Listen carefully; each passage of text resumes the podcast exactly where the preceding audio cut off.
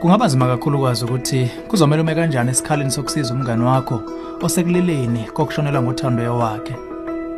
Imvamisa asazi sibhekane kanjani nabantu abalilayo kumbe abasebuhlungwini obukhulu bemizwa yenhliziyo okugcina siba namahloni sihlehle kulomsebenzi. Uma ufuna ukuba lolo hlobo lomuntu oluletha uhlobo olufanele ukuzalana nomuntu nokunikeza umngane ithuba lokukhala ngakho lalelisisa kahle ngoba la uhlelweni sizokhuluma ukuthi umsiza kanjani umngane olilayo khona la uhlelweni ezomndeni ungabusaya ndawo.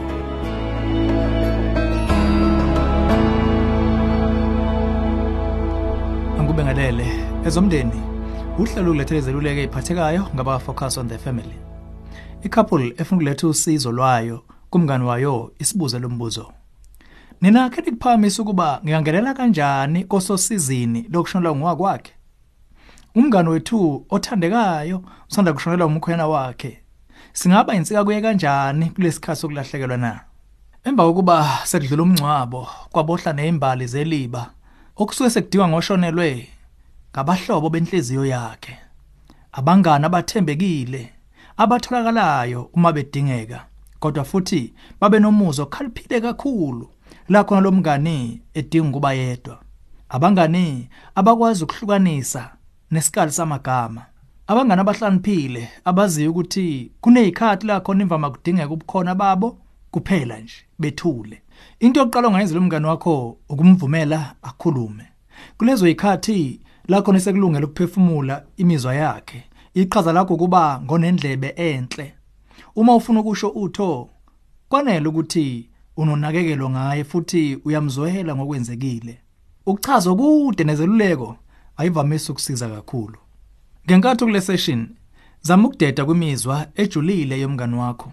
Kuqonda ukuthi kusenokwenzeka abe ngodiniwe nophatheke kabi nokuthi dinga ukumupha isikhathi ukukubona lokho nokubhekana nalemizwa uma kubeka kufanele ungakwesaba ukukhuthaza ukukhala okuhle. Futhi bekezela usizi luyinto ejulile kanti nokulila.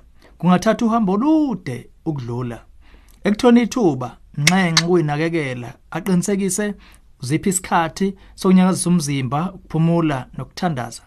Kwenye ingxenye ngasekugcineni usengamsiza ukwenza eminye imisebenzi nezidingo njengeyasendlini eyegceke njalo njalo. Uma umuntu osaphuma ngemoto umfonele umbuze ngakube khona angafisa umlayishela khona endleleni. Uma nezingane ungacela umbhekela zona. Ze uziphi isikhathi esiyingqayizivele sokunakekelwa kweingane zakhe? Khumbula ukuthi nazo zigcwele usizi. Ungaphakamisa ukuthi zibhale phansi umuzwa ezuzwayo bese uzipha isikhathi ukuxoxa imiphumela nazo. Kukho konke ungaqweqwi kumngani wakho. Yenza konke ukuthatha amagxathu ukutholakala ngekhathi akudinga ngazo.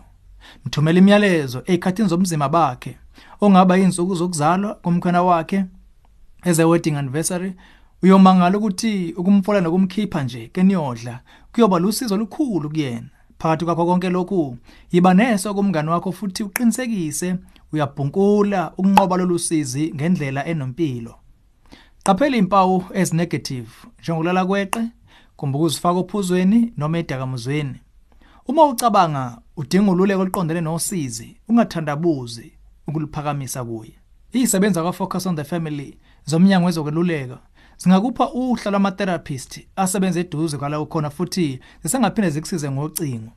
Sicela usishayele ku031 716 3300 ukuxhuma usizo lomeluleki kumbe ungene ku safamily.co.za bese icofo ku counseling link.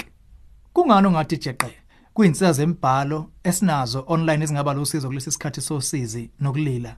Sibili incwadi esiyiphakamisayo Stained Glass Hearts Sing Life from a Broken Perspective.